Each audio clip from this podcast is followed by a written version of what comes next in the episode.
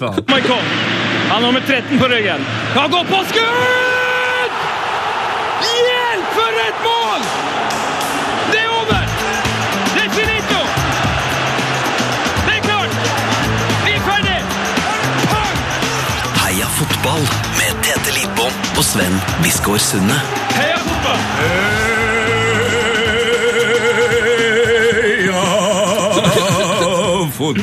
Oh, yes. Velkommen til Heia fotball. Det er fredag. Verdens beste dag.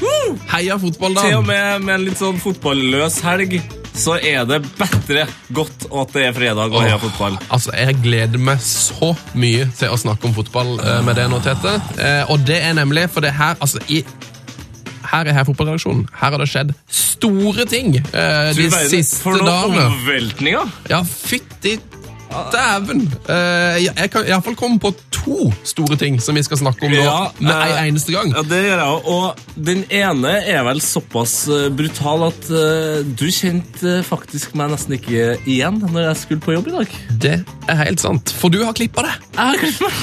Og du har ikke Altså, du har ikke bare klippa det litt. Du har klippa av alt. Ja, altså, jeg er som en slags uh, Du er en ny person. Ja, en slags You're a changed man. menneskelig q-tip uten tippen. Ja. Hvis, jeg kan, hvis du aldri har Jeg Er en tipp? Hvis du aldri har hørt på Heia Fotball før, aldri sett bilder av Tete Lidbom, så kan jeg si det at før så ligner han på Lionel Richie. eh, bart, eh, noe slags afrovariant med noe, med noe hockeysveis. Eh, Ganske elendig hockeygreie, men ja, Ganske dårlig sveis, Ja. men sjarmerende og, og litt sånn gøy. Artig utseende. Ja, humorutseende. ja. Men nå altså har du klippet av det absolutt alt håret. Du har nå null millimeter på skallen, eller kanskje én. Ja, en millimeter der. Jeg, jeg, går, jeg klarer ikke glattbarbert.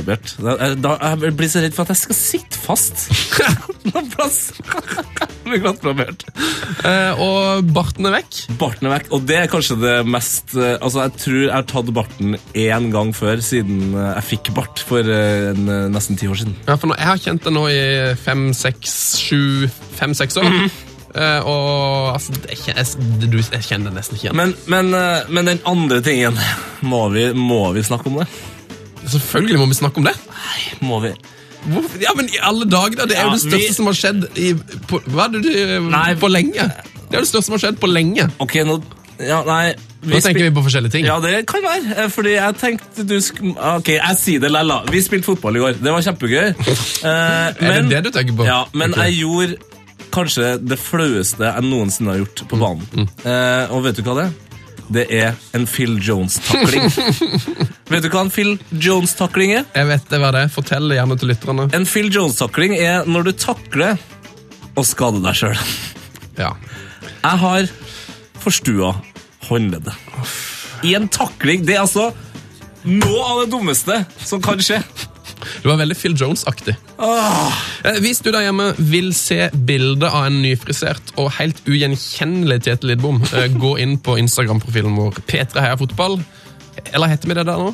Ja, ja. P3 ja, fotball, ja. Vi heter ikke NRK P3 Nei, det var bare en uh, test. Det var bare en, en test. Ok. test. P3 Heia Fotball det heter vi for øvrig òg på eh, Twitter, uh, Facebook. Facebook, Instagram og Snapchat. Snapchat. Men Snapchatten vår Den, er, den ligger litt eh, brakk. Det er ikke fordi vi ikke er interessert, men det er bare vi, vi, sliter med teknologien, rett og slett. Ja, men vi, vi kommer sterkt tilbake. Will be back.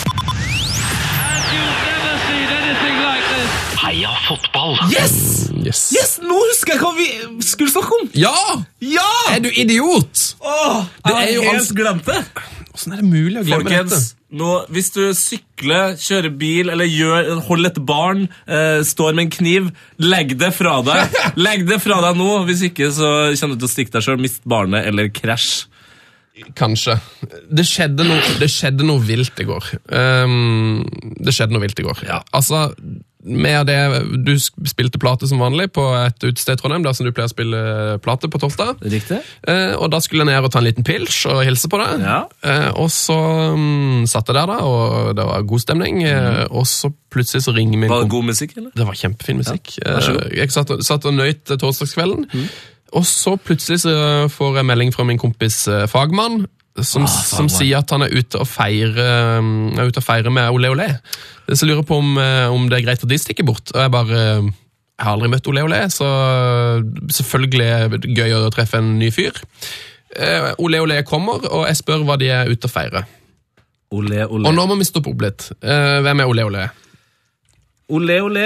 Eh, Han er vel en kamerunsk fotballspiller, hvis jeg ikke tar Det er han. helt feil. Du Han har- heter vel strengt tatt Alain Junior Allé Olé. Alain Junior Olé Olé. Men han, kal du er fransk. men han kalte, seg- kalte seg bare Olé. Det var sånn han introduserte seg. Olé. Ok.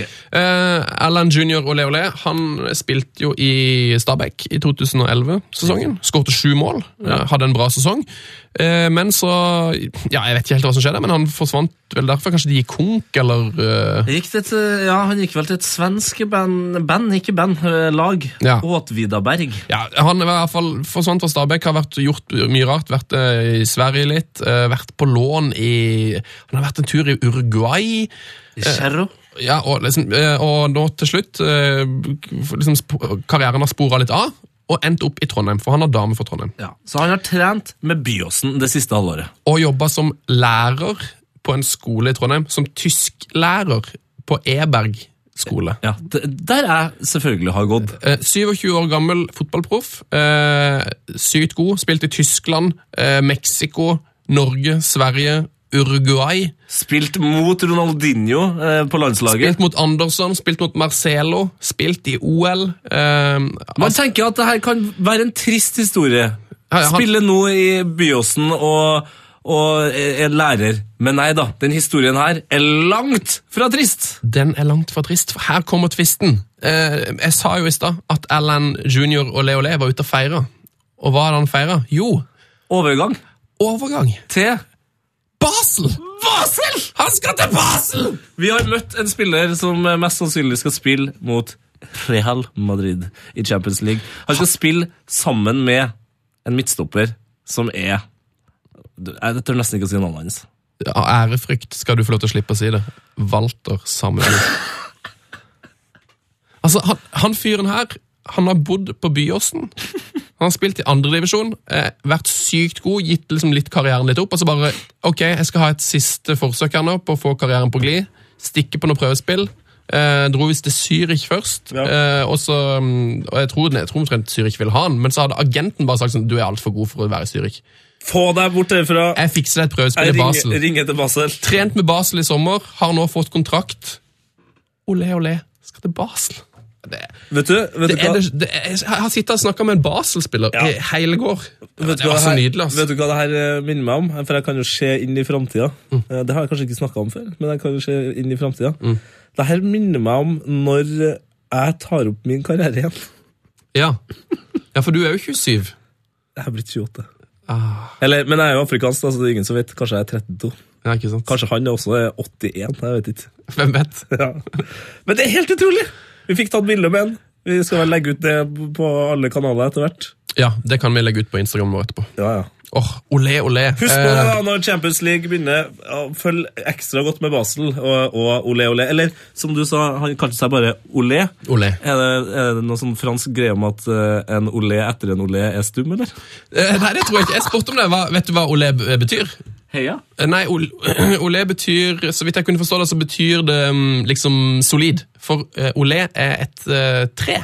Et tre de har i Kamerun. Et hardt tre? Et sånt, ja, det sies et olétre det sånn, det, kan, det er et sånt svært tre som du ikke kan Det går ikke an å, og- går ikke an å kutte det ned engang. Det er bare sånn. Oi. Du må bare gi opp. Så olé bunnsolid. Det, er, det var en fin Segway eh, med tanke på at vi hadde verdens lengste åpning. Men det synes jeg var koselig. Men det var en fin Segway til eh, vår gjest, fordi han er bunnsolid. Det er han. Dagens gjest er så bunnsolid at eh, jeg har ikke ord. Jeg gleder meg veldig til å ta imot dagens gjest. Straks er han her.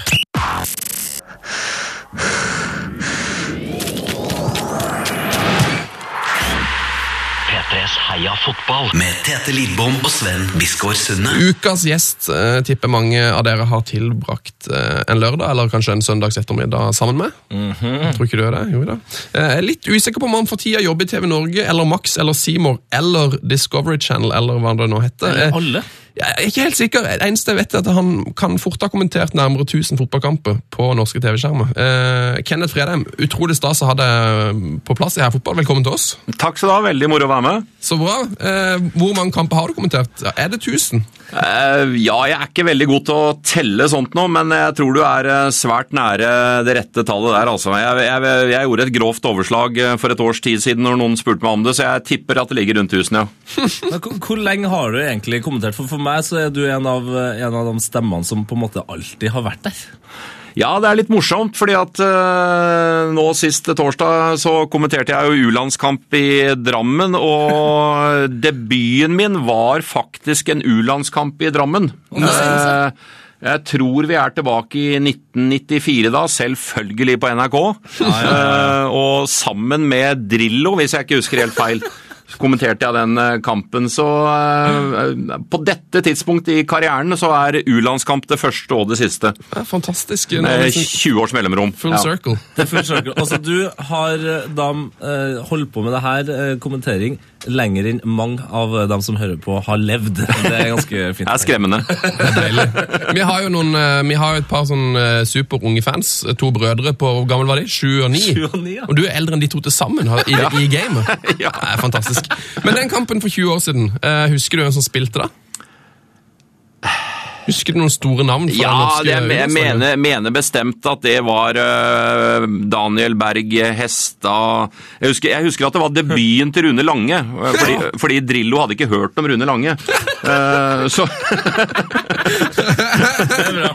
Hvem er det, spurte Drillo meg når vi fikk lagoppstillingen. Så det var så, Fantastisk. ja, Nei, men det, det, var jo et, det var jo et bra U-landslag. Det var jo Nils Johan Sem som var sjef for det, og de tok seg jo faktisk til EM-sluttspill, hvor de tok bronse. Så, så det var en morsom gjeng å følge det, altså. Og nå er det Martin Ødegaard. Nå er det Martin Ødegaard. Herlig fred. Pinne, Ja. altså. Så avisene i dag var fulle av skryt. Eh, Er du, er du, liksom, er du fan, du òg? Fanboy? Ja, altså, det Martin gjør, eh, er jo helt eh, uvirkelig. Altså, og eh, det er ikke så Altså, 1000 kamper, som du sier, det skal liksom litt til for at uh, man får litt gåsehud når man sitter og kommenterer, men det han gjorde i første omgang uh, mot Portugal, uh, altså som et utrolig bra lag, kanskje det beste U21-laget i Europa, eh, det er helt eh, spinnvilt, rett og slett. Eh, det er gå- gåsehud av å høre på at du sier det. ja, ikke sant? Så, så det er litt morsomt òg, for jeg har faktisk sett Martin Ødegaard. Han er fra Drammen, og jeg bor i Kongsberg. Og har trent aldersbestemte lag i Kongsberg mot Martin Ødegaard mange ganger. Nei, nei, så, jeg har, nei. så jeg har sett den siden han var ti år gammel. Og det er ikke, det er ikke overdrive at vi så geniet allerede da. Mm. Uh, Og det, det rare er at eh, sånn som han opptrer nå på et U-landslag eller i Tippeligaen, Mm. uh, det er akkurat som å se en i aldersbestemt fotball. Han var, han var verken mer eller mindre dominerende der, han gjorde de samme tinga. Uh, Så det ser ikke ut som han har gått opp 100 nivåer på ett år. Det er, Ja, det- nei, det er uvirkelig morsomt å, å få oppleve et sånt talent. For det er kanskje den klassiske utfordringa med veldig mange av de norske talentene, er akkurat den der, det steget opp til tippeligaen som på en måte er så mye mer fysisk og, og, og sånt, som gjør at selv om han var en stilig spiller eh, på ungdomsnivå, så, så er det rett og slett ikke tid eller plass. Men han har virkelig funnet alt av tidslommer og plass, han gutten der. altså. Ja, det er det han har. for han, har, han har en helt Og det var det jeg så ved ham når han var 12-13 år. Altså, Han har en helt unik spilleforståelse. Altså, Han er så orientert, han har en så forståelse av dette spillet, og det, det, det, kommer jo delvis av naturgitte ting. Han har sagt at han har spesielle anlegg for det, men det, det kommer jo av ekstremt mye trening. Ja. Eh, Så samme hvem han spiller mot, så er han helt åpenbart i stand til å gi seg selv god tid. Og når vi snakker om god tid, så snakker vi liksom om de der to-tre tiendelene ekstra som gjør at du ser ut som du har god tid. Og det er, det er der for meg det største geniet hans eh, ligger. Nå er det jo en uh, debatt som på en måte allerede har satt i gang, som hva man skal gjøre med det her. For han, han, er, jo, han er jo for god for tidlig. Det, Som han beste gutten i klassen som er for, for god i matte, som sitter og har videregående matte på ungdomsskolen. liksom. Det, Ja, ikke sant? Hva skal vi gjøre med han? Han var slitsom. Ja. Og det må jo, det må jo Ødegaard ha vært for dere òg, når, når dere var tiårslaget um, oppe i Kongsberg møtte han fyren. Det må ha vært frustrerende at han, at han er så god. Jo, jeg tok jo meg sjøl i å stå der eh, Altså, jeg, jeg var trener for en ganske god gjeng, faktisk. Altså, Det eneste vi aldri klarte, var å slå Strømsgodset. Eh, og, og, og mye på grunn av han. Og, og det er klart at når du ikke når man var 10, men la oss si når vi var 14-15, så ønsker du jo å vinne fotballkamper. Ja.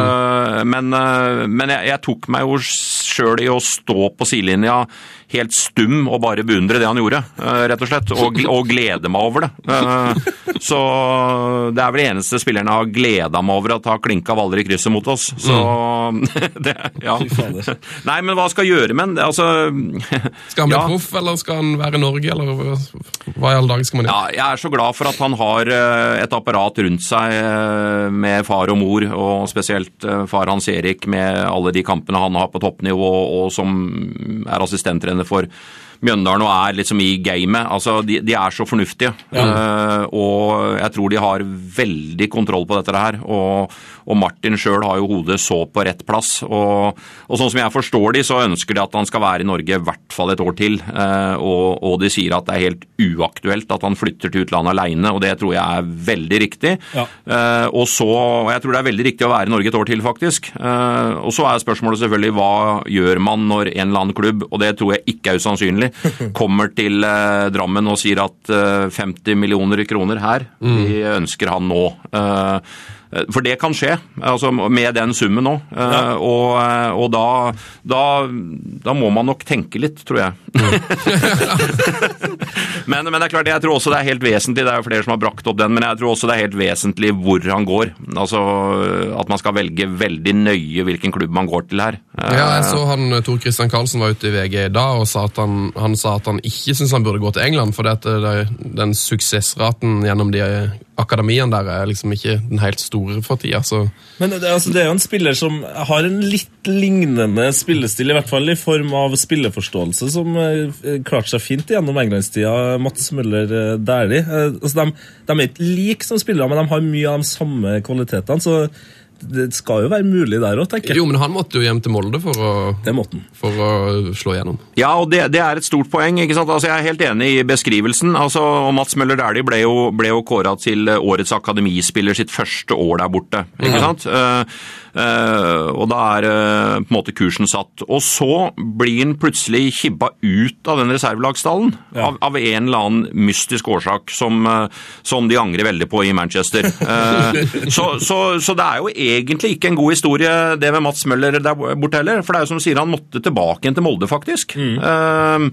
så jeg er enig med Tor Christian Karlsen. Altså jeg, jeg tror det er bedre land å fortsette utviklingen i enn England. Ja, altså, Eh, er det sånn at han har kommet såpass langt at eh, førstelagsfotball eh, i en litt mindre liga er viktigere enn å på en måte være i en stor liga og være reservespiller?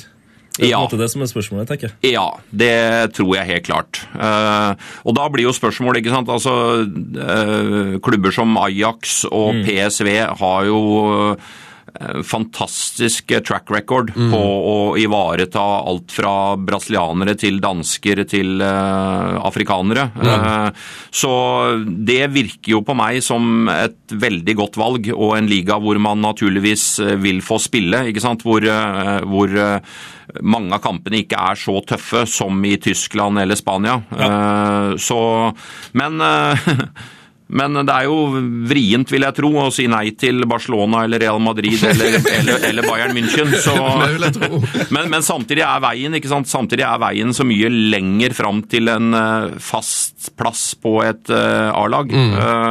en 17-åring kan ødelegge korsbåndet, han òg. Så så det, er, det er mange ting å ta i betraktning. Jeg er glad det egentlig ikke er eh, jeg som skal være med å ta det valget for han. Ja. Det er det Jostein Flo som skal ta. ja. Det er Deilig å tenke på.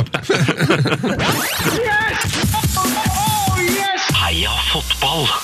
Heia fotball er altså showet du hører på. Veldig hyggelig at du gjør det. Og veldig hyggelig at du er på plass, Kenneth. Er du i familie med Daniel, Daniel Fredheim Holm, har jeg sk- skrevet på blokka mi her. Nei, jeg har blitt beskyldt for å være faren hans, eller eh, ved noen anledninger. Fortell meg! fortell meg. Oi, oi, oi. Nei, det er saftig. Nei, vi er ikke i slekt. Eh, Den gamle, gamle Vålerenga-spissen Pål Fredheim er ansvarlig for Daniel, så vi er, eh, vi er ikke i slekt, rett og slett. Ja. Da fikk vi avkrefta den. Ja. Men jeg likte veldig godt at vi har blitt beskyldt for å være faren. Høres, høres beinhardt ut. Ja, jo, men jeg syns det var eh, hardt å bli beskyldt for å ha en så gammel sønn. Men eh, jeg surra jo litt i begynnelsen her og sa at eh, jeg var litt usikker på hvor du jobba enn for tida. Jeg har, jo- jobber du for både Seymour og Max? ja, jeg gjør jo faktisk det. Uh, altså, TV Norge Max Discovery, som du sier, er arbeidsgiveren min. Uh, etter to, nei, skal vi se hvor lenge var det? Etter 16 år i Canada Canal Pluss Seymour, så gikk jeg over til Max nå i, nå i vår. Eh, men jeg har da blitt Der har vi jo foreløpig landskamper eh, og, og noe Europaliga, så jeg så de har gjort en avtale med Seymour, sånn at jeg er eh, utlånt eh, tilbake igjen til Seymour. Men, eh, men Max er arbeidsgiveren min og eh, hovedkanalen min, for å si det sånn. Men så kommenterer jeg også veldig mye for uh, Seymour. Skal gjøre det ut høstsesongen og, og eh, også neste år. Så for meg er jo det en suveren situasjon. altså Kombinasjonen av tippeliga og landskamper er jo ypperlig. Det høres ikke ut som en uh, drittjobb. Nei. Nei. Jeg må si det. Eh, Da er det sånn at du alltid eh, reiser rundt og er på kampene og liksom har vært på alle banene i Norge i år og sånn, og ja. suser rundt. suser rundt. Norge, Norge Rundt-turné. Ja. Så fra mars til eh, november. Så, Hvem- ja. Hvilken stadion har den beste kommentatorbua? Ja, det, det er litt morsomt, for det diskuterte jeg og Lars Kjernås her om dagen, og det er eh, Vår Det venn er, det er, det er Ålesund. Det er Ålesund. Det er Ålesund. Ja, Ålesund har de beste fasilitetene. Hva er det som gjør at Ålesund eh, vinner her, altså? Nei, stor og fin kommentatorbod og god service og det er, det, er jo, det er jo veldig hyggelig å komme alle steder, faktisk. Altså, det, er, det er det faktisk helt genuint. Mm. Det er ikke bare smisking. Men, eh, men eh, Ålesund, der sitter du så riktig i forhold til banen, og, og alt eh, funker veldig bra. Så det er den beste kommentatorplassen. Tett fullt av Viking. Oi, Og Viking, to tomler opp til, eh, nei, til Ålesund, én til, til Viking. Det ser veldig fint ut på Lerkendal òg, faktisk. Ja da, det- jo da. Det er, det er. Ja, ja, jo da. Det er ok på Lerkendal, altså. Så, okay. ok. Litt sånn, men eh, det nå blir sånn nerdete, ikke sant. Det er litt trangt og litt varmt der, ikke sant. Ja. Ja, det, det, det kan jeg skjønne. Ja, Har du vært på Ranheim, forresten? Nei, det har jeg ikke. Der har jeg vært eh, på prestetribunen, og der, der er det kaldt. Ja, riktig. Kan jeg si det? Det blåser jo noe fryktelig på den banen Så hvis du får tilbud om noe shady Ranheim-kamper, så må du finne på en unnskyldning. Ja, men det er altså nå er Jeg ringer, jeg ringer dere. Ja, du må gjøre det. du må gjøre det. Men det er jo Ranheim Altså, igjen eh, så ser det ut som det, det er sånn hobbylaget. Altså, ikke på den måten, det er jo helt fantastiske spillere her. Men at de igjen er liksom nesten på vei opp i tippeligaen. Altså, Ja, de, det, det, er en ganske imponerende eh, liten klubb, Ranheim, altså. Ja, det er fascinerende. Det er, og sesong etter sesong. altså Ja. de, og, de og Mjøndalen er liksom hver eneste sesong i playoff-diskusjonen. Og det, det er jo ikke to metropoler, for å si det sånn. Så, så eh, og så, nå skal jeg være forsiktig, jeg sitter, eh, sitter nære Mjøndalen. Ja. ja. Ja, så Mjøndalen er en fantastisk klubb. Eh, nei, men det, nei, men seriøst, det er jo. Altså, eh, vir, virkelig. Så, men det er imponerende. Det er, det er det, altså. Ranheim er jo enda mindre, og det er utrolig sterkt at de klarer det de gjør sesong etter sesong. altså. Har du spilt fotball sjøl? Ja da, det har jeg, vet du. Drømmen var jo der. Ja. den var der, ja. Når, når ble den avslutta? Eh, Nei, han ble vel egentlig ikke avslutta før jeg var 18-19 år, men eh, da innså jeg at jeg ikke kom til å bli toppspiller. Mm. og så hadde jeg begynt i dette yrket her eh, på, på sida av det mens jeg gikk på videregående. Uh, Såpass, ja. Du begynte Ja å kommentere på videregående? Nei, nei, det var avis. Avis, Avis, ja, avis, avis, ja, ja, ja, sånn, lokalavis. Ja, klassiske starten. Ja, ja, Eh, så, Eh, og så fikk jeg faktisk tilbud om jobb når jeg var ferdig på videregående. Eh, Så, Så da begynte jeg med det, og da var det jo, som dere veit, kveldsvakter og helger og alt det der her. Så da så jeg liksom at dette her er lite kombinerbart med å satse på fotball. Så da fant jeg ut at Eller jeg håpte da at talentet var større for, for dette her, for journalistikk, enn for fotball. Så, så, da la jeg opp, mer eller mindre. Jeg angrer på det, faktisk. At man ikke fortsatte å fikk en del sesonger i tredje- og fjerdedivisjon, for det hadde sikkert vært veldig moro. Det er Men, gøy med fotball. ja, det er det, vet du. Så, så etter en fem-seks år så ble det eh, comeback som en enda mer stasjonær eh, bedriftsspiller.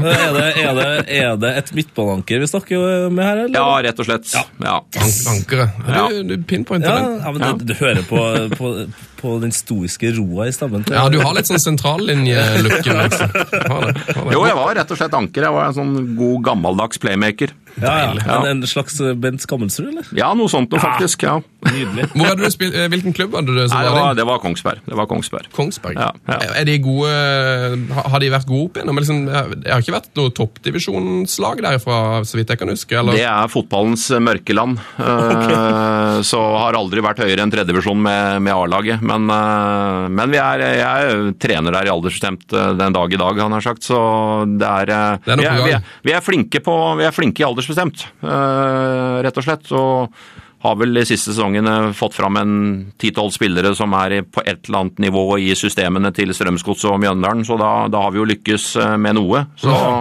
men på, men på A-lagsnivå så er det Ja, vi trenger ikke å snakke så mye om det. Altså, jeg, jeg, jeg med en gang du sa det her nå, altså de har ikke vært høyere enn en tredjedivisjon.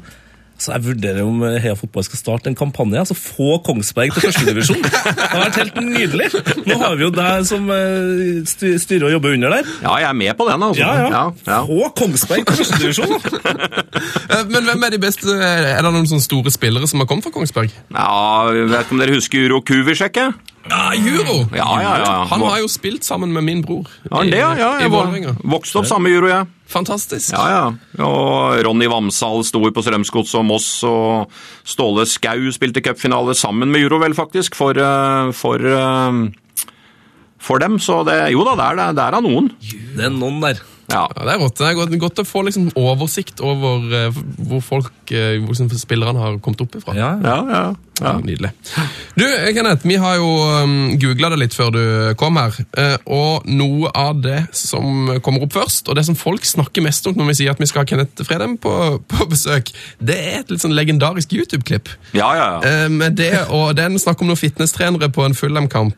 Eh, jeg regner med du vet hva jeg tenker på? Ja, ja, ja. Yes. eh, vi må nesten bare høre på det. Eh, her, her skjer det noe greier.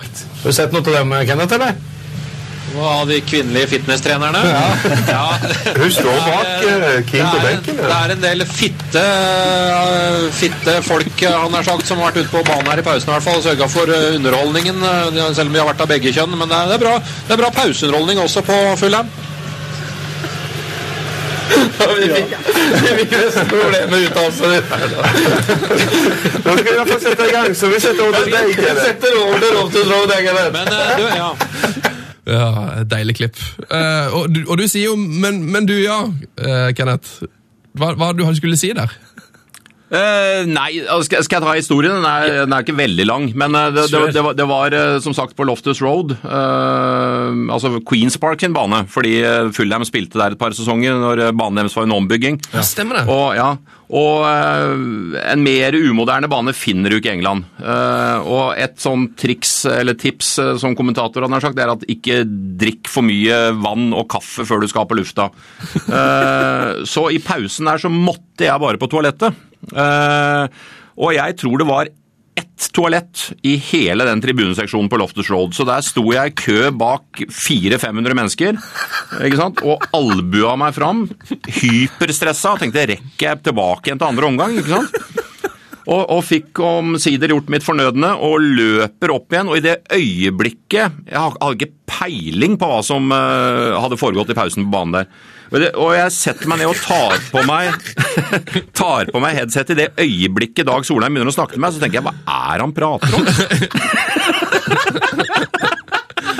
Altså, du bare kommer tilbake fra do og bare sa 'sett i fitnessfolk'? Bare sånn. Ja, ja, ja. Og jeg tenkte at jeg må vel prøve å late som jeg veit hva han snakker om, tenkte jeg. Og så ble dette, ble dette utfallet. Og Det som er morsomt, da å høre Erik Thorstvedt her, han var jo i studio med oss da. Ja. Erik Thorstvedt med sine 1,95 lå under studiobordet og lo.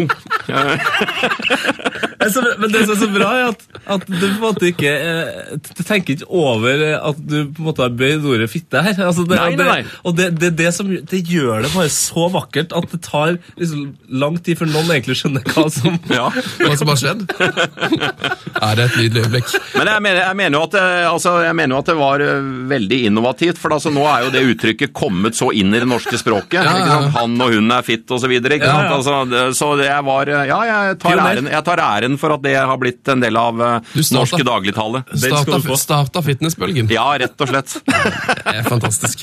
Men uh, det her er jo et, et uh, sånn fantastisk øyeblikk fra karrieren din. Hva, hva er det på en måte av, altså, så- av sånne litt sånn ting som går litt sånn på halvskakka? Hva er det hva er det du husker best av andre kamper? Eh, Nei, jeg, jeg kan ikke egentlig si at jeg har så veldig mange sånne, altså. Eh, Det er den der, den der der. Bortsett fra det, så altså, Det var jo alltid en utfordring i, i Premier League-studio med med Dag Solheim. Altså, Man tror jo at liksom alt er gjennomprogrammert og gjennomsnakka i, i TV, men med Dag Solheim så visste man aldri hva som kom eh, når han satte over, så der gjaldt det bare på en måte å henge med. Altså, det var veldig morsomt, faktisk, eh, men eh, han kunne finne på å spørre deg om de snodigste ting når, eh, når han satte over til deg, som alltid hadde for så vidt et eller annet med saken å gjøre, men du måtte prøve å ta det på sparket, og som regel gikk jo det bra, da. ja, som regel. som regel. Ja, det er nydelig. Du, eh, Har du kommentert noen VM? Ja, jeg, eh, jeg var jo så heldig at eh, Ja, jeg var jo i NRK da, så jeg var jeg fikk jo være med, var sånn indre bane-reporter, skråstrek programleder på VM i 94 ah. i USA, og sto ved den norske benken da Rekdal skåra seiersmålet mot Mexico. Jo da. Nei. Så det var jeg som hadde dette legendariske Jeg var jo den eneste som fikk snakke med Rekdal eh, Ja, etter den kampen. stemmer. Ja, så det, det intervjuet der var det Han gikk jo rett forbi med mørke solbriller i Mixed mix zone, som det heter Ja, ja, ja. etterpå. Så, så det var en vanvittig opplevelse, og da glemte jeg helt å være profesjonell, for jeg hoppa og skreik og var nede i knestående, tror jeg, når, når han skåra det målet. Det var, det var ufattelig stort. Så, og så kommenterte jeg VM i 98 for NRK. Det var det siste jeg gjorde før jeg gikk til Canal Pluss.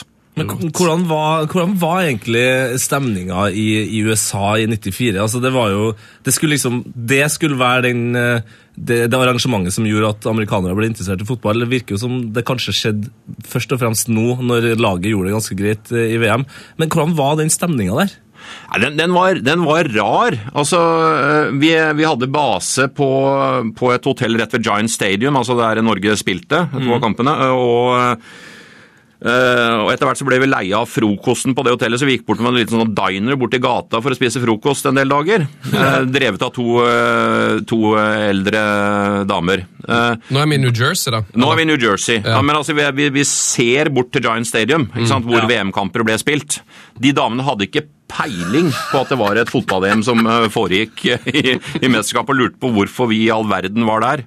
Og så, og så sa vi at ja, det er pga. fotball-EM, det er ikke fotballsesong nå, sa de. Vi tenkte jo selvfølgelig på amerikansk fotball. ja, Ja, sant? Så, eh, så det var litt av en utfordring. Så, og, det, og dette er sant, nå høres det ut som jeg tuller. Men vi hadde ekstrabilletter til de kampene, og Ja. de damene var så hyggelige, så vi spurte eh, om de ville ha billetter av oss til en kamp. Ja, ja, ja, det ville de gjerne. Mhm. Så de fikk billetter og dro på kamp, og gikk hjem i pausen fordi de trodde det var over. Det er for bra. Det er så bra. Da var han fornøyd, da. Ja, da var han kjempefornøyd. 0-0, og de syntes det var litt rart at det ikke var noe mål, men, øh, men øh, ja. No winner! No Ja, fantastisk. Ja. Jeg har òg fått eh, tips om at jeg bør spørre deg om den gangen Raoul banka på døra. Å ja, har du hørt den? Eh, Nei, jeg har ikke hørt den. Jeg har bare fått, det her er alt jeg vet. Spør Fredheim om den gangen Raoul banka på døra. Ja, ja, ja. Det, det, var, det var i Frankrike-VM i 98, det.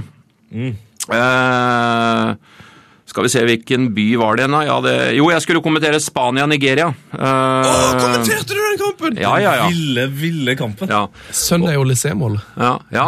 Og så, eh, og så eh, Ja, riktig. JJ og Kocha ute på kanten er helt fantastisk. Eh, og så var det jo sånn at vi føyk jo fra by til by med disse hurtigtogene, og, og så hadde det blitt litt forsinka, så jeg kom til stadion her, det var fire-fem timer til kampstart, nei, til byen, og slepte bagasjen min fra togstasjonen og bort til hotellet, og så får jeg en romnøkkel. Eh, La oss si at det sto 703 på den, eh, og så går jeg inn i heisen og, og trykker på trykker på knappen og opp med heisen, og så kommer jeg ut i korridoren, og så ser jeg liksom at det sitter en mann på en stol i ene enden av korridoren. Så tenkte jeg det var noe et merkelig sted å sitte og slappe av, men greit nok.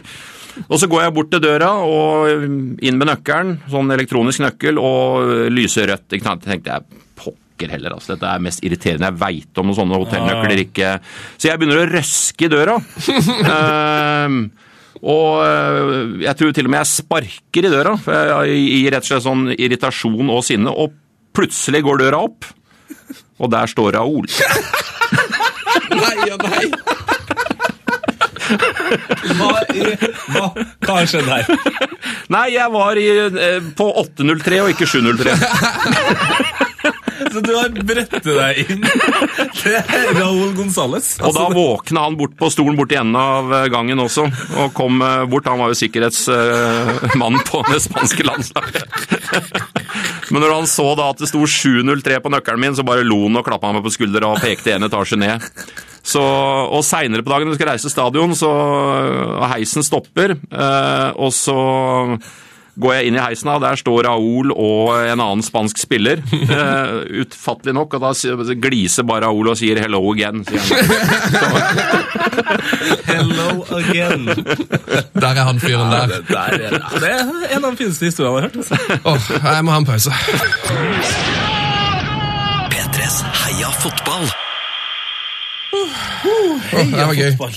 Eh, Går det bra, Kenneth? Ja, ja, ja. Eh, Har du alt du trenger? Vann og, og oksygen? og eh, Har du gode bein?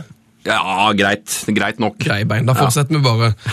Eh, Vi kan ikke la eh, deadline day ligge helt ennå. Eh, Vi har ikke hatt sending siden, siden det var. Eh, s- Satt du opp og fulgte med på overgangene, eller? Nei, jeg er ikke helt der lenger, men eh, jeg har jo fått med meg det meste som har skjedd, ja. Hadde du noen favorittovergang? Eh, ja, altså det er jo Jeg, er jo, jeg fatter og begriper jo ikke at eh, Real Madrid kunne kvitte seg med Di Maria. Det er helt Nei. eh, totalt uforståelig for meg. Men, uh, men selvfølgelig en, en strålende berikelse for Premier League. Uh, Og ikke minst for Manchester United. Han, en så, han er så bra at han kommer til å slå til uansett hvor han er. Eh, Så det er vel kanskje den største. Eh, og så, ja, og så henger jeg meg litt på den der nye greia med Manchester United, da, med å bruke kolossalt med penger. eh, og, og handle inn ekstremt ubalansert, rett og slett. Eh, Det de skulle hatt, er vel fire nye forsvarsspillere. eh, og, og et par nye midtbanespillere. Og så henter de de Maria og Falcao. Eh, Jo, men det er ikke lett å se logikken i det, altså. Nei, det, det er litt som å invitere på, på middag, og så kjøper du inn bare masse store flasker med vodka. Altså, ja, ja. det, er liksom, det er det de har gjort. Og sulten. Her er masse sprit! Ja, det er litt sånn. ja. Og en halv pose peanøtter. Ja, ja. Men eh, du, eh, har du noe favorittlag i England, du, eller? Å ja, ja. Det, det- det er Arsenal. Det er Arsenal, ja. Ja. Ja, for da, da må vi snakke om noe som jeg syns virker så kjipt med den jobben din, og det er at um, du, det, du får så mye dritt på nett. Å ja, mulig det. Jeg, jeg, jeg, håper, jeg håper du har lest, holdt jeg på å si, for det, er, så, det er så fælt. Det er en som, når jeg googler det, så er det en som har skrevet på VG Debatt Jeg blir kvalm av Kenneth Fredheim, heter Tråden, da. Ja. Eh, og da, da er de forbanna, for de mener at du er, du er Arsenal-fan, da. Ja. På lufta. Å ja, riktig. Ja, ja, de, de, greiene der får du alltid. Men eh, det der tror jeg, jeg tror Hvis du googler mer, så vil du se at jeg blir beskyldt for å spesielt holde med Manchester United. Ja, okay. uh, og det, det handler jo selvfølgelig om at de, i de fleste av åra jeg kommenterte engelsk fotball, tolv år, uh, så vant Manchester United. Uh, og, og du er jo alltid selvfølgelig veldig positiv til det beste laget. Ikke sant? Uh, Uh, og så er det jo en uh, hardliva myte at jeg holder med Newcastle, fordi et, av de første, et av de første bildene vi tok i Can Plus sånn promotion-bilder, så hadde vi forskjellige engelske drakter på oss, og jeg sto i Newcastle-drakt, ikke sant? Altså, så, Så, det øh, ja, så det eneste laget jeg vel ikke har blitt beskyldt for å holde med, er Tottenham. Og Det er en ærlig sak. Ja, ikke sant? Så Nei, det der, der er eh, Jeg, jeg syns faktisk det har vært utrolig lite av det. eh, og fått uh, ekstremt mye tilbakemelding f.eks. fra Tottenham-fans uh, på at jeg er veldig balansert. Så den, uh, den føler jeg alltid. Og det, og det er jeg. Altså, eh, fordi jeg er først og fremst glad i spillet fotball. Ikke sant? Eh, Jeg har aldri vært veldig opptatt av lag eh, og enkeltspillere sånn sett. Det er, eh, det er magien i spillet jeg, som, som er min, min greie, rett og slett. Perfekt gjest i Heia fotball. Det er, det er jo det er derfor vi heter Heia fotball. Vi har jo våre lag, vi òg. Altså, jeg er jo Tottenham-fan, men jeg, jeg elsker jo å se Arsenal spille. Altså, det, det, Ja. altså, det, det er liksom den greia. Jeg klarer ikke å forstå Rivalisering er gøy på liksom litt på kødd, men utover det så forstår ikke jeg at man skal gå rundt og hate alle lag eh, fordi at man liker ett lag. Det, det er bare trist. Nei, det er, det er, bare, det er bare trist. Altså, den, den, jo, men det er det. Altså, den greia der hadde jeg kanskje når jeg var eh, 12-13-14 år, hvor jeg ikke kunne fordra Liverpool. Ja. Altså, fordi de var så gode når de gjorde mest vondt. Altså, den alderen hvor du er mest lidenskapelig i forhold til det der. Ja. eller i hvert fall var jeg det. Eh, og, eh, men, men, men hat i, i forhold til et annet lag, det blir for meg helt Jeg forstår det rett og slett ikke. Er. Eh, Men ja. eh, eh, kjapt tilbake til deadline day eh, eh, og Arsenal. Welbeck eh, altså, Sven eh, her er jo, Sven her er jo eh, United-fan. Mm. Eh, Jeg, er litt usikker, vi har ikke snakka om det, om du er glad eller lei deg for at han går. Og du som er Arsenal-fan, er du fornøyd med spisskjøpet? Ja, altså jeg, jeg så ikke den komme, på en måte. Eh, altså, Welbeck har jo utrolig mange bra kvaliteter, men noen goalgetter har han jo ikke bevist at han er. Eh, og eh, nå hadde han jo et utrolig bra innhopp, forresten, eh, for England mot Norge. Eh, og, det, og det er klart, jeg, jeg ser jo hvorfor Wenger liker han. Altså med, med steget og at han er uredd og at han prøver og alt det der. Det Eh, passer jo også kanskje godt inn i det, i det klikk-klakk-spillet som, som ofte foregår foran 16-meteren når Arsenal kommer framover. Ja, og det, det tror jeg helt klart er det han har sett, liksom.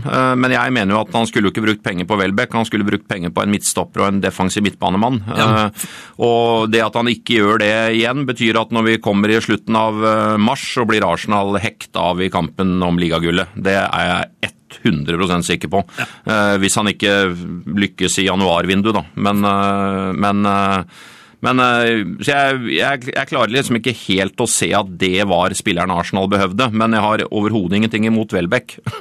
Det som jeg tenker på med, med Welbeck når vi snakker om han nå, at eh, når, eh, når Thierry Henry kom til Arsenal, Mm. så hadde han litt sånn lignende karriere. Han, var sånn et, han ble sett på som et sånn megatalent. Som ikke helt, Først som ikke- spiss, ja, som og så som ving. Ja, som ikke helt hadde fått det til. Litt sånn heng, hengslete, litt sånn uryddig i i oi, stilen. oi. Og så gikk det to år, så var han verdens aller beste fotballspiller. Ja, den er morsom. Jeg har, jeg har ikke tenkt på den, men det er det er jo helt sant. Altså, det er jo det, der. Ja. Ja, ja. altså, det Wenger gjorde med, med Henry og med Vieira, ikke sant? Begge Ja. var jo, begge var jo stempla som flopper. Eh, etter å ha gått til Inter og Juventus, ikke sant? Så, så kom de til Arsenal og ble to av verdens absolutt beste spillere. Mm.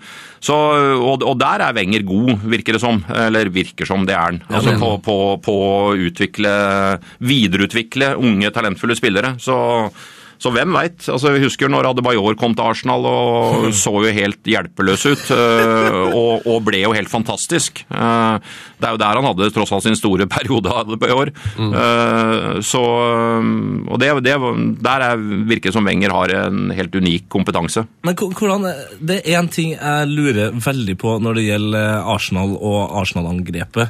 Eh, hva eh, har Wenger imot Podolsky?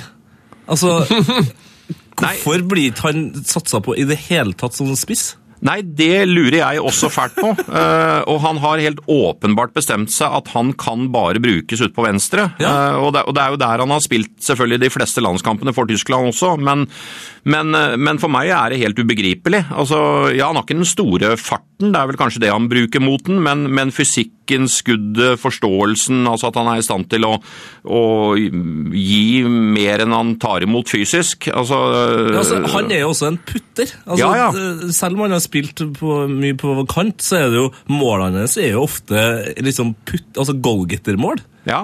Hamring. Hamring, ja.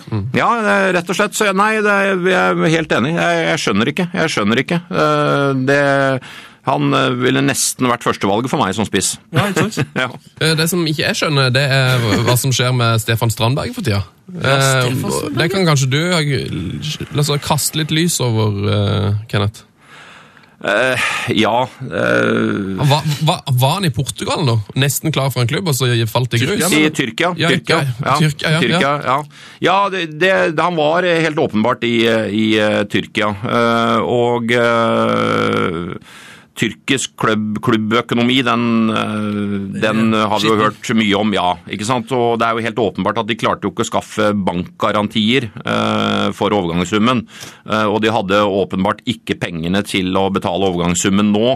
Så, så vidt jeg forstår, så er det derfor det skar seg. Altså Strandberg var enig med dem, videre. Eh, og så kan man jo spørre seg hvor klokt det er å gå til eh, en tyrkisk klubb eh, som ikke er en av de tre store. Eh, Men noen, eh, noen nordmenn som har brent seg på det her før. ja, til de grader, ikke sant. Uh, eneste jeg vel kommer på i farta som gjorde det bra i Tyrkia, er vel Ronny Johnsen, før han gikk til eh, Manchester United. Uh, så, så uh, Men ja, jeg har ikke, ja det, det har jo vært mye rundt Stefan Strandberg i Rosenborg denne sesongen her, som har virka pussig fra hans side, eh, og nesten har virka enda pussigere fra Rosenborgs side. Ja, ikke minst. Eh, ikke minst. eh, Særlig den første saken. Mm. Så det siste her nå var jo helt greit. Altså, det var jo en redelig forsøk på en overgang. Ja. Men, men Nei, det, er, det har vært mye rart i RBK i år, syns jeg. Det er nesten som på en måte at, at RBK-styret er veldig klar over hvor, hvor langt ut på viddene de er, da, men at de nå på en måte med han har liksom funnet sin uh, scapegoat. Altså det, det, det er liksom sånn Nå, nå skylder vi dette på Strandberg. Ja, vi må skyve det på Strandberg igjen. Ja. Han, han tåler det. Han takler det, liksom. Ja, ja, ja.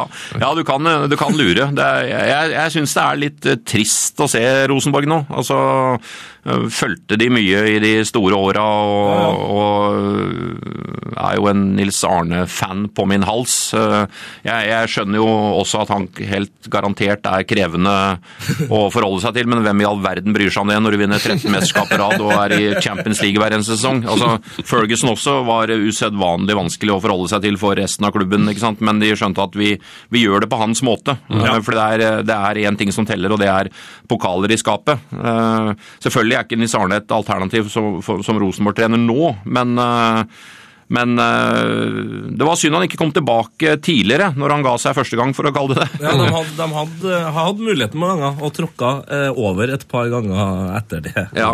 Nei, vi har, vi, har jo, vi har jo sett det før, altså med IFK Göteborg, det, som var like suverene i Sverige eh, tidligere. Ja. Og som tilbrakte ti år i mørket før de, før de kom seg tilbake på et ålreit nivå igjen. De har jo aldri kommet tilbake der de var. Eh, og øh, når du ser øh, trenerne inn og ut i øh, Rosenborg etter Eggen, så er jo det det stikk motsatte av hva Eggen-perioden sto for, nemlig kontinuitet. ikke sant? Eh, og, og Er det noe som heter ukontinuitet? Ja, ikke sant? Det er, ja, det er lik fiasko. ikke sant? Pluss at han var jo han var ganske tydelig, han ble jo sparka sjøl, men han kommer jo bare tilbake på jobb. Eh, Ja, ja. Altså det, det, det, det virker jo det, det er litt sånn, tror jeg, en sånn styrke mange trenere må ha. Altså bare liksom ja, nå blåser det ordentlig her, eh, men jeg kommer på jobb. jeg. Altså, det, jeg, nekter, jeg, har, jeg vet jeg får til det her. Eh, let's go. Eh, mens de trenerne som har liksom kommet etter Eggen, har vært assistenttrenere til assistenttreneren til assistenttreneren, så de har liksom ikke noe de skulle ha sagt. da. Nei, eh, ikke sant? Og, nei, og det er, det er så riktig det du sier der. Altså, vi må ta om Bjørn Hansen her òg, da. Altså, det, det partnerskapet der som var, som var unikt. ikke sant? Og, eh, jeg husker når Eggen kom tilbake til Rosenborg da i 88, et, etter hans kanskje aller største prestasjon som trener, nemlig å vinne ligaen med Moss. Eh, Ja, med Moss. Eh, og, eh, og da ble jo er det lov å si pissa på. Eh, Da ble jo Rosenborg det i alle europacupkamper. De reiste ut i Europa ikke sant? og spilte naiv angrepsfotball og tapte 5-1 mot lag vi ikke hadde hørt om. ikke sant? Og jeg husker så godt en egen kommentar. Han sa- 'slapp av, dette kommer til å bli bra'. Da er det bare. Vi må, vi må få lov å øve oss. Vi må få lov til å øve oss, ja. Ja. Eh, Det er jo en perfekt uh, parallell til å komme seg over på en liten landslagsprat, for det er jo litt, litt det der som Høgmo egentlig har sagt. ja. De forrige ti kampene, bortsett kanskje fra mot England nå, da. Men iallfall liksom ja, Slapp av, det, vi har en plan her. Eh, Er, er Høgmo den neste eggen? Kommer Norge til å dominere fotball-Europa de neste ti årene? Eh, nei. Eh, men Nei, til det siste. altså, så, så gjør vi ikke det. Men, eh, men at, eh, at Høgmo har en plan, det, det er jeg ikke i tvil om. Han er en utrolig dyktig fotballmann. Eh, Men er, det ikke akkurat det? At han et, et hakk opp, så føler jeg at han har prestert bedre enn akkurat på trener, trenersida. Ofte, i hvert fall. Jo da, han gjorde jo veldig, veldig gode ting med Tromsø. eh, og i Djurgården så ville vel tatt den tilbake på dagen, tipper jeg. eh, hvis de hadde muligheten. Eh, så altså, jeg, jeg, jeg tror jo mer problemet er hvor eh, spiller eh, spillerne våre. Eh, man, man har laget en sånn indeks på landslag ut fra hvilke ligaer spillerne er i til daglig. ikke sant? Eh, og, og hvor, hvor liksom de store ligaene har indeks 1. Og hvis vi tar de store lagene til Drillo, så, så var vi jo der. ikke sant? Eh, at alle spilte i de store ligaene. Nå er det, nå er det andre Bundesliga og, og tippeliga og championship osv. Ikke sant? Altså, det, det er eh, det er noe helt annet. Altså, Spillerne vi har nå er eh, enkelt og greit ikke på nivået eh, med det vi hadde mellom eh, 92 og 98, ikke sant? Eh, og litt inn i Johan Sem sin periode. Så det, det er der problemet ligger. Altså, og, og vi må være tålmodige. Eh, jeg syns jo det var utrolig positivt å se U21-landslaget mot Portugal. Ja. eh, Hvor vi virkelig prøvde å spille fotball. eh, Og, og i gode perioder av matchen klarer å spille ut Portugal, rett og slett. Eh, ekstremt ambisiøs måte å spille oss ut, ut fra forsvar på, både når vi blir pressa høyt og lavt eh, og, og alt det der, og vi, og vi lykkes med det. Eh, og Det er ikke bare Martin Ødegaard. Altså, her syns jeg det var mange som sto fram eh, på en utrolig positiv måte. Vikheim, eh, Fossum, stopperparet, Grøgaard på bekken osv. Altså, eh, ikke minst Bakenga på topp. Eh, der, der har vi kanskje nye Håper jeg. Der har vi kanskje nye landslagsspissen, altså. Det, Men det, men det er jo en sånn ting eh, som, eh, som jeg ble utrolig glad for når jeg så lagoppstillinga mot England. For Norge har liksom måttet prøvd å, å begynne på nytt og begynne på nytt, men jeg har liksom aldri torra helt å gjøre det. Og når du ser på den lagoppstillinga, så er det sånn Nå har vi begynt på nytt. Ja. Hvis, hvis han tør å satse på det her nå, så har vi faktisk begynt på nytt. Og da er det da tror jeg det er mye lettere å få engasjert folk på at ja, det blir tøft uh, her og der, men du har liksom eh, en Joshua King og uh, Per Skjel, nei, Siljan Skjelbreid er kaptein. Linnes er jo helt i, i toppform for tida. Altså, det er unge spillere som er kanskje litt mer interessante å se på. Men sier du nå at du ikke ville ha Frode Johnsen på landslaget?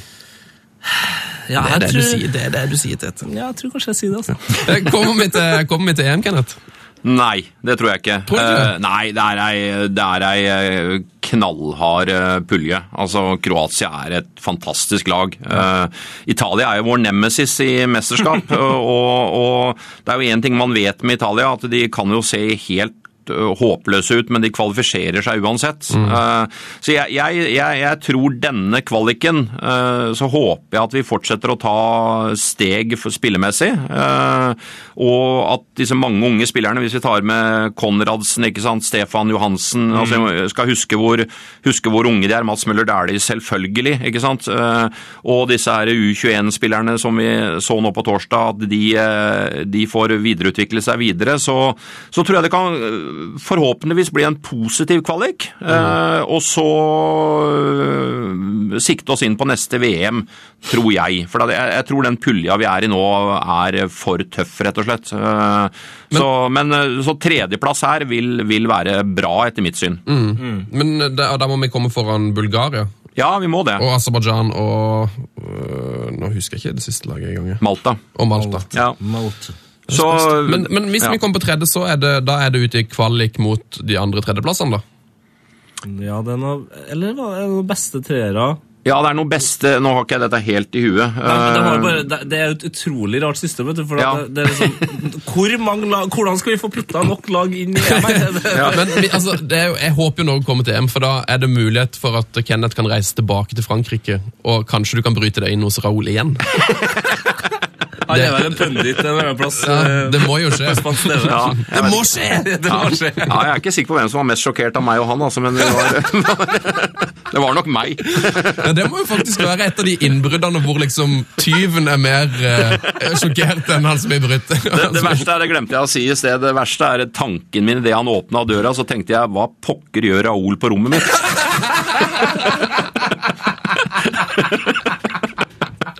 P3s Heia fotball. Nei, det, det er altså en, hvor, mange, hvor mange ganger har du fortalt den historien, tror du? Den, den, den har jeg faktisk ikke fortalt så mange ganger. Det, det, Her må det, du jo fortelle hver dag. Ja. Det kom, å det bare å komme seg opp på en scene. Kom her, kom her. det, er, det er første gang faktisk den fortelles i noe medie. Yes! Ja. Ja, vi er først ut. Ah, det, er, er godt. det er godt å høre. Eh, veldig hyggelig å ha deg her, Kenneth. og skulle egentlig snakka masse om uh, ukas store nyheter, men jeg vet rett og slett ikke om vi rekker det. Dette. Jeg tror vi begynner å nærme seg skittet rakk vi ikke, men ja, ja, men sånn er det. Sånn er det. Tida flyr når en eh, har det gøy. ja, det er det, altså. Men vi all, må snakke om Alonso, da. Vi må snakke om Alonso, ja. Ja, Chabi Xabi Alonso har gått til Bayern for å høste mer trenererfaring. Jeg synes Ja. det er så er fint. Det er så Ja, det er deil, deilig begrunnelse for en overgang. Ja, det er det. det, er det. Eh, Samtidig som han helt garantert kommer til å gjøre en eh, kjempejobb der som spiller også. ikke sant? Og, og kanskje da er forberedt på at han eventuelt blir litt sånn eh, backup-spiller også. Ja. Så, men å lære av den beste, i hvert fall etter mitt syn de, de siste åra Jeg har jo vært en dyp beundrer av Barcelona under Guardiola, så, så, så er jo det kjempemessig. Det, ja. Det er så artig med, med Guardiola, for det, altså, en ting er jo eh, altså, Vi begynner å se på tall og titler, og sånn, så er det jo det, det går jo nesten ikke an å forstå. Men så er det sånn uh, Louis Henrique nå. uh, nå er han liksom Barcelona-sjef. Sabi Alonso eh, har liksom, har liksom blitt på en måte det aller største liksom eh, det, det treneridolet, da. Før så var han bare en helt sinnssyk midtbanespiller, og nå har han bare fått eh, spanske fotballspillere til å tenke Steike, skal bli som eh, Jeg skal bli som Guardiola." Pep. ja. Det er jo helt, det er helt nydelig. Og Sabi Alonso jeg ser for meg mye av det samme som eh, Guardiola, men litt mer defensiv. eh, Litt sånn spillestil. Ja, jeg tror Peppe Reina også faktisk oppga det som mye av grunnen også, at han også ville være der for å lære av, eh, av Guardiola. Ja. Sånn. Reina kan være god, men eh, bare kjapt eh, Guardiola, Bare si det, bare litt tung i, i praten i dag. Jo, Guardiola sa at uh, Luis Henrique kommer til å gjøre det bedre enn han gjorde det i Barcelona. Ja, det er jo ikke mulig. Det er faktisk ikke mulig. Hva skal du gjøre? Hva skal du vinne da? Hva er det, så Jan Åge Fjørtoft foreslo noe på Twitter, og det var at um, skulle, Univers, universets Champions League. Ja. Champions League. må stikke til Mars og vinne noen kamper. Uh, shit, det rakk vi ikke. Shit! Det rakk vi ikke. Yes, Dette er en av våre faste spalter, Kenneth. Um, det er her vi snakker om det vi ikke rakk å snakke om. Ja. Det er en kjempespalte. Og det er jo alltid litt sånn, det her er liksom Tetes domene, da, så hva er det vi ikke rakk å snakke om denne uka? Tete? Du, Vi rakk ikke å snakke om at Maradona og Roberto Baggio spilte eh, kamp sammen på, på mandag. Nei! Og Baggio skåra jo selvfølgelig et helt utrolig lekkert mål. Det rakk vi ikke snakke om. Rakk ikke å snakke om det. Du har, eh, det her er en av, du, Vi skal ikke rekke å snakke om det, men du skal forklare hva vi egentlig skulle gjøre. eh, Ja, vi, ja, vi rekker ikke å snakke om at uh, Rooney og Forren havna i en, uh, i en fedmediskusjon, uh, hvor Rooney mente at, um, at det kanskje var Forren som var litt overvektig. Jeg liker at TV 2 klarte å finne et bilde som gjorde at uh, Forhen så skikkelig overvektig. Og det, det var her egentlig jeg skulle liksom lansert uh, kallenavnet på Forren som Den brede hangland, men det rakk vi dessverre ikke. Det er bra vi ikke rakk, kjenner jeg. Er det noe du føler at ikke vi rakk å snakke om, Kenneth, eh, fra ny, liksom, av ting som har skjedd nylig? Nei, jeg syns du oppsummerte det godt, jeg nå. Å, så rakk vi ikke å snakke om at. Ranheim 2 tapte Nei, vant. Eh, Ranheim 2 vant mot Stjørdalsblink Ja, og i tredje, tredje divisjon. For folk som ikke følger med i tredjedivisjon, eh, så høres det her kanskje helt vanlig ut. Men, men Stjørdalsblink, forklar hva Stjørdalsblink har gjort fram til de eh, tapte den kampen. her. Ja, I tredje divisjon avdeling 10, Kenneth, der spiller Stjørdalsblink. Eh, Og etter 17 kamper så hadde de 17 seire og 97-7 i målforskjell. Oi. Eh, og så skulle de møte Ranheim 2, som de for øvrig slo 11-0 eh, når de spilte mot hjemme. Og så, og så tapte de. Uff da. Men det rakk vi ikke snakke om!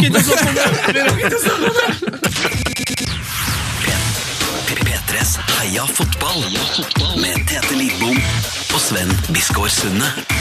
Og Kenneth Fredheim. eh, hvis du vil eh, sende oss en e-post, hvis du har noe på hjertet der ute, så kan du nå oss på heiafotballkrøllalfa.nrk.no. Eh, og den kan jo være greit å notere seg akkurat nå, for nå er vi nemlig i en av våre andre faste spalter, nemlig Post og brevet, post og brevet, post og brevet, post og brevet. Vi har fått post av deg. Har vi fått post av deg, Kenneth? Eh, det har jeg ikke rukket. Nei, det må være lov, det. Det er nok å være gjest. Ja, du er krever sending inn nå. um, skal du ta en først, kanskje, Tete? Skal vi se her, eh, vi har fått en fra en uh, Odd Martin Moen. Hei, Odd Martin. Hei, Odd Martin. Uh, Han skriver Heia fotball. Uh, Hørte på deres glimrende podkast hvor diskusjon av de verste overgangene, og syntes mitt kjære Arsenal sine signeringer av Jimmy Carter og Jon Faxe Jensen fortjener å nevnes i denne sammenheng. Heia fotball. Heia fotball. Heia fotball. Fantastisk. Ja. Eh, vi vi, snakka om det vel forrige uke, tror jeg, eh, om eh, de verste overgangene i verdenshistorien. Eh, Og nå er han altså misfornøyd med at ikke vi har nevnt eh, sjokksigneringen til Arsenal. Hva tenker du om det her, Kenneth? Er du litt enig med Odd Martin her? Jeg skal fortelle hva jeg kjøpte for en del år siden utafor Hybrid. Jeg kjøpte T-skjorta hvor det står at I was there when Faxe scored. Å, du har den, ja. Ja, det er en god T-skjorte. Eh, Hvor mange mål hadde han i Arsenal? Ett? To? Han hadde ett, ja. Et, ja. Han skåra jo det målet i var ikke EM-finalen i 92 som gjorde at alle trodde at dette er en virkelig målfarlig midtbanespiller. Ja, Ja, Den nye Laudrup. Ja, den nye Laudrup, rett og slett. Og han hadde jo skåret nesten ingen mål før det målet heller. Han Nei, nei, nei. Nok fortsatt mindre kjent enn eh, brusen. eh, Fakse kombi. Ikke England. Ikke England. Nei, kanskje ikke England. Og det, hvor mange bor det i England? Det bor noen der, men nei, jeg Adjø resonnement. Kjempebra resonnement, dette. Nei! Faks. Jon Fakse Jensen er mye mer kjent enn faksedrikken. Et par eh, veldig fotballinteresserte folk husker Fakse. Nei, her må du backe meg, Kenneth. Nå trenger jeg støtte. Alle vet jo hva Fakse kombi er! Ja, ja. Da har du en T-skjorte igjen, da. Eh, Ja, den er nok et eller annet sted i skapet. altså Jeg er dårlig på å kaste sånne ting, så den, den fins nok et eller annet sted litt uh, gråna og fæl. Åh, Nydelig. Helt nydelig. Og litt for liten. Eh, veldig bra mail. Takk for det, Odd Martin. Eh, og vi skal ta et postebrev til. Vi har fått en mail her fra Sjur Start. Vi, eh, det her, jeg kan jo forklare det her til Kenneth. Vi, vi har, altså Lytterne våre har så rare navn. Ikke så rare navn. Sjur Start er et rart navn. Høres litt ut som en sur start. Sur Start Men altså, det som, eh, når, leser jeg mailen her, er ikke sikkert det. det er ikke sikkert han heter Sur Start. Men han skriver nemlig Nå må dere snart få enten Fredrik Strømstad Nei, nå må dere snart få Fredrik Strømstad inn i hallen. Eh, altså vi har i vår uh, Glory Hall. Eh, jeg er fra Sandnes, men har alltid heiet på Start. Fredrik Strømstad er den spilleren som har gitt meg mest glede noensinne. Få han inn i hallen. Hilsen Sjur Start. Jeg, to, jeg har to spørsmål. eh, Heter han Sjur Start? Det er jo mitt første spørsmål her. ja, og da håper jeg jo selvfølgelig at han har skifta navn. ja. Etternavn til Start, siden han eh, heier sånn på. Og så lurer jeg på hvilke eh, ting med Fredrik Strømstad som har gleda han så mye. Altså, For all del, Fredrik Strømstad, eh, topp eh, fotballspiller. Men jeg, jeg klarer ikke å komme på liksom noe noe, sånn helt sinnssykt som uh... Og jeg husker når han gikk på lån til Bærum. Uh, Når det Start hadde han sinnssyke islandske treneren. Det husker du. Ja, det husker jeg. Uh, Fredrik Strømstad kan fort ende opp i Glorholen, vet du. Jeg har, jeg har jo spilt mot han. Ja, Du har spilt mot den, ja. Fredheim, du har vel kommentert eh, han, eller? Ja, ja, ja, helt sikkert. Eller jo da, jo, jo det har jeg. Fredrik Strømstad var en, bra, en meget bra midtbanespiller. Husk, er det, husker du noe mål, eller noe syns ikke jeg sist? Nei, skåra han veldig mye mål, Fredrik? da? Men Nei, han gjorde vel ikke det. Men han eh, var vel en fyr som sikkert har Han hadde jo en, eh, en bra pasningsfot, altså. Så hadde han energi. ikke sant? Han er en sånn midtbanespiller du vil ha med deg. Han har plaga mange, tror jeg. opp Han har plaga mange, rett og Norsk, slett. eh, en Ja. slags norsk Gattusso. Ja. Nå, nå, jeg jeg syns jeg nesten hører eh, Sjur Start eh, sitte i Sandnes nå og eh, skrive en lang mail om målet fra 35 meter mot eh, et eller annet lag. Ja, Sjur, send oss gjerne altså, Hvis du har lyst til å hylle Fredrik Strømstad, så er det bare å sende oss en lang mail, så kan det være vi leser den opp. Og, og, og eh, Si gjerne om du heter Sjur Start, og i så fall om du har bytta navn. Hvis du heter Start etternavn, så skal eh, du få en T-skjorte i posten. Eh, skal vi ta det siste brevet? Du, det, er- Apropos T-skjorte. Vi må jo huske å få delt ut den uh, T-skjorta. Fra Lambert-konkurransen. Det er Lambert-veddemålet. Forklar, eh, forklar det her. Eh, Kenneth, med og Tete var jo også på Manchester City-Liverpool. På fotballpub. Eh, og så kom Lambert innpå, og så var jeg så skråsikker på at Lambert kom til å skåre, så jeg la ut en Twitter-melding hvor jeg sa at eh, jeg vedda en eh, Heia Fotball-T-skjorte eh, mot- på at han kom til å skåre. Og spurte om det var noen som vedda imot, og det var jo selvfølgelig mange folk som vedda imot. Men de, det, var, de, det er jo utrolig, for de rakk ut og De hadde ikke noe god tid på vedd, for det var vel under et minutt etter at du sendte den tweeten. Så skårte jo Lambert. Men så ble det sjølmål. Ja, det ble gjort om til selvmål. Ja. Så da, hadde, da tapte vi altså dette her uh, veddemålet, da. Eh, skjønte du noe av storyen? Ja, ja, det var, jeg husker jo skåringen òg. Det var jo et hårfint tap. Ja. Uh, ja, rett og slett. Det var vel Sabaleta, var det ikke det som fikk foten på ballen til slutt der, da? Dessverre. Ja. Dessverre. Eh, og. Men da lovte vi da at vi selvfølgelig skal levere ut en T-skjorte. Uh, til de, Det var vel fire stykk som rakk å vedde imot oss der på, de, på det ene minuttet de hadde til rådighet. Det er sterkt. Så nå skal du få lov til å trekke, da, Kenneth. Eh. Ja, Det er en som heter Magnus, en som heter Omar, en som heter Anders og en som heter Ole, som alle har tatt vedda imot her. Um, er, det, er det noen av disse her du, eh, som du kan bruke din indre kraft til å liksom føle spesielt sterkt for, som fortjener å vinne? Magnus, Omar, Anders og Ole. Ja, Bestefar min het Magnus. Da blir det Magnus! Gratulerer! Det er vakkert, vet du. Magnus Eikrem Risnes, eh, vi tar kontakt med deg. Gratu Magnus gratulerer. Eikrem. Magnus Eikrem Risnes. Artig. Syns du det var et rart navn? Nei, det er ikke et rart navn. Nei, da var det på en måte nesten fram med gullkort der. Gratulerer med skjorte. En, en liten eh, post eh, til. eller Siste posten. Et, et breve. um, eh, Vi hadde jo Kasper Wikestad på besøk sist. Han fortalte vel at han sliter med å sove, men bruker tida si på å spille FM. Ja, han hadde spilt 400 timer Football Manager eh, siden det nye spillet kom ut i fjor høst. Her har vi da fått en post fra Henrik, gutt 18, med litt for mye fritid. som han skriver her. Hei, Henrik gutt 18 med litt for mye fritid. Eh, Heia fotball. Eh, Nå skal jeg ikke skryte eller noe, men jeg har snart 6000 timer til sammen på Fotballmanager 2012, 2013, 2014. I Alle dager! Wow. Det er herlig fred. Mange, det er Det er 2000 timer i året. Han trenger seg en rusletur i skogen, han altså. Men vi vil, jo, vi vil jo selvfølgelig gjerne få på noen screenshots her, for det er jo det som er fint med, eller forferdelig med Footballmanager, at den viser jo hvor lang tid Hvor lenge, du sitter der? faktisk har brukt. Eh, Det her er jo helt utrolig. 2000 timer i året? Åssen går det an? Det er jo øh, Det blir fort en fem... Nei. Det er fem timer i døgnet eller noe sånt, i snitt. Nei, det er jo helt massivt. Har du spilt noe? Ja, vi må bare Helt massivt. Har du spilt eh, noen fotballmanager, Kenneth? Nei, jeg har ikke det, altså. Lurt. Ja. Du har, du har kanskje familie og sånn nå? Ja, det det jeg har, vet du. Ja, du har rukket å stifte familie og sånn? Ja, ja, det er bra. Jeg slutta sjøl for, for fire år siden. Skal, må, skal aldri tilbake. altså det... Å, jeg skal nok tilbake. Jeg skal nok tilbake. Vi får se. Eh, nydelige mails. Fortsett å sende inn e-post. Det blir vi eh, veldig, veldig glad for. P3s Heia fotball med Tete Lidbom og Sven Biskår Sunde. Yes, oh yes. Ja, vi Begynner å nærme oss slutten her nå. Ja da. Eh, nå er det tid for quiz. Eh, er du god i fotballquiz, Kenneth Vedem? Ja, brukelig. Ja. Brukelig, det er godt å høre. Ja. forrige uke, eh, altså denne ukas quiz har, eh, tror jeg har engasjert store deler av det fotballinteresserte Norge. Ja, det tror, jeg òg. Veldig veldig fornøyd med rekka, som vi har faktisk fått via en eh, kompis som hadde hørt henne av broren til Rune Bratseth. Riktig. Da vet du at det blir en bra quiz. Mm. Fordi je- Bratseth-hjernene eh, de er bedre enn eh, de fleste norske hjernene. Eh, Nå skal du få høre forrige ukens rekke, Kenneth. Du får høre noen navn, og så skal du på en måte prøve å skjønne hva som er sammenhengen. Eh, Den er vanskelig, så jeg, jeg, skal ikke forvente at du klarer å ta den sånn rett på sparket. Du kan prøve å resonnere litt. Eh, Hør på disse navnene her. Jon Arne Riise, Henning Berg, Ronny Johnsen, Ole Gunnar Solskjær og Hvem er den femte mannen i, det, i denne her sammenhengen? her? Jon Arne Riise, Henning Så Berg, du avslører at det er en mann? ja. Ronny Johnsen, Ole Gunnar Solskjær og Det er en mann, ja. Det er en mann. Ja, Hans Herman Henriksen. øh, hvem er det?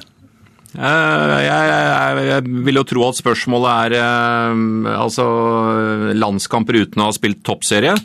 Det var kanskje ikke det? Det- nei, Nei, det var Berg ikke det. Berg hadde jo selvfølgelig gjort det. Ja, nei, det bomma jeg der. Ja. Ja, Berg har spilt for uh, Ja. Lillestrøm. han. Ja, han hadde det, vet du. Ja, nei, men, da. Mhm. Ja. ja, men ikke før han uh, kom på landslaget, vel? Han spilte i Lyn, han. Førstevisjon. Ja, ja, det kan, det kan være sant. Ja, Ja, ja. Han spilte på Lillestrøm òg. ja. Men ja. Ja. Nei, det, det var ikke riktig. Men ehm, det som er greia her, at det er de fem Det er kun fem nordmenn som har vunnet Champions League. Og Jon Arne Riise var det den forrige som vant da. Og før der så var det Henning Berg, Ron Johnsen og Ole Gunnar Solskjær. Men så var det en som vant Champions League før de. Og Det er det mange som har kost seg med uh, denne uka her. Uh, skal vi avsløre en vinner? Har, har du noe feeling på hvem det kan være, uh, Kenneth? Eh, nei Altså, når jeg, når jeg fikk den quizen her, så satt jeg i 40 minutter. ja. Og jeg klarte ikke. Det gjorde du ikke. det var det verste jeg opplevde den siste, siste måneden. Ja, det, det, er, altså, det er en nydelig quiz. Takk til broren til Rune Bratseth eh, Mm, Tusen takk for dette. broren til Rune Bratseth.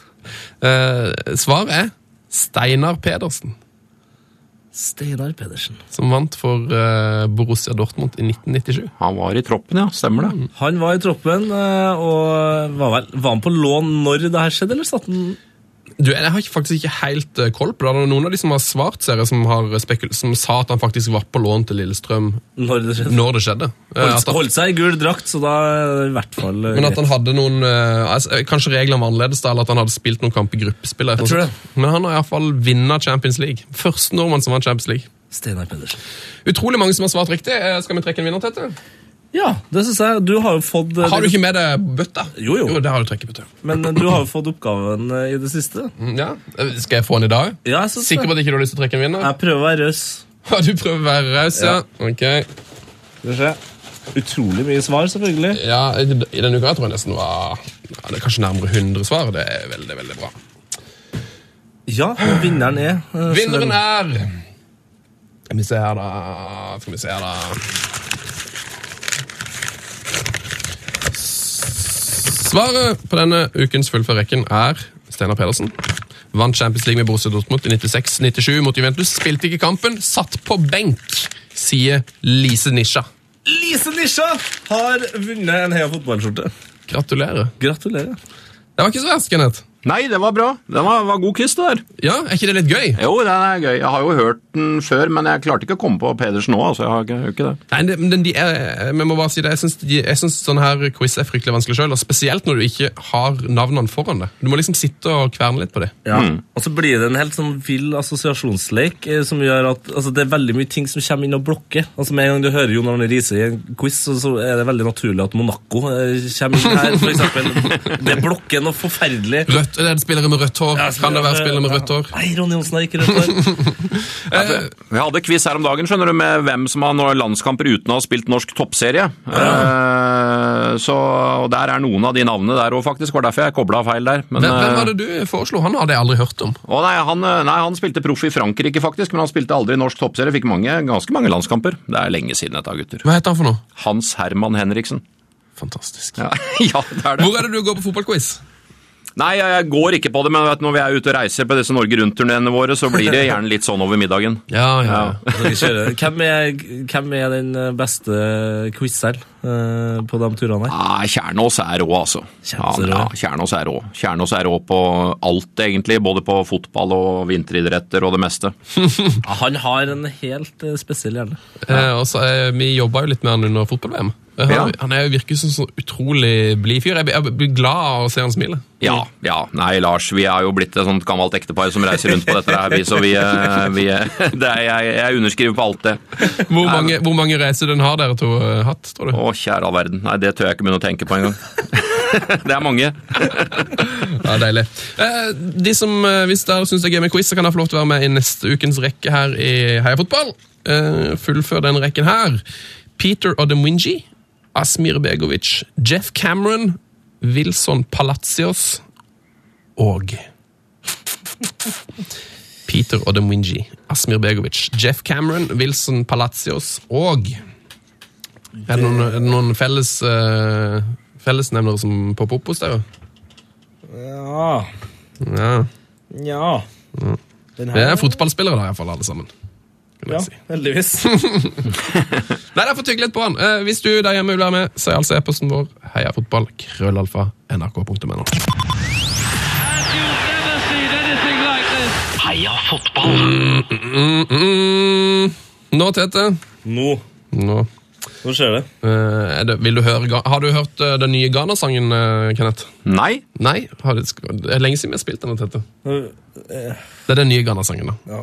Eh, Tete er halvt ghanesisk, eh, så vi har en sånn greie med at vi leter etter sanger hvor, det, hvor, man, hvor man finner Ghana i, på et eller annet sted inni sangen. da. Ok. Så bare se, bare se om du hører Ghana her.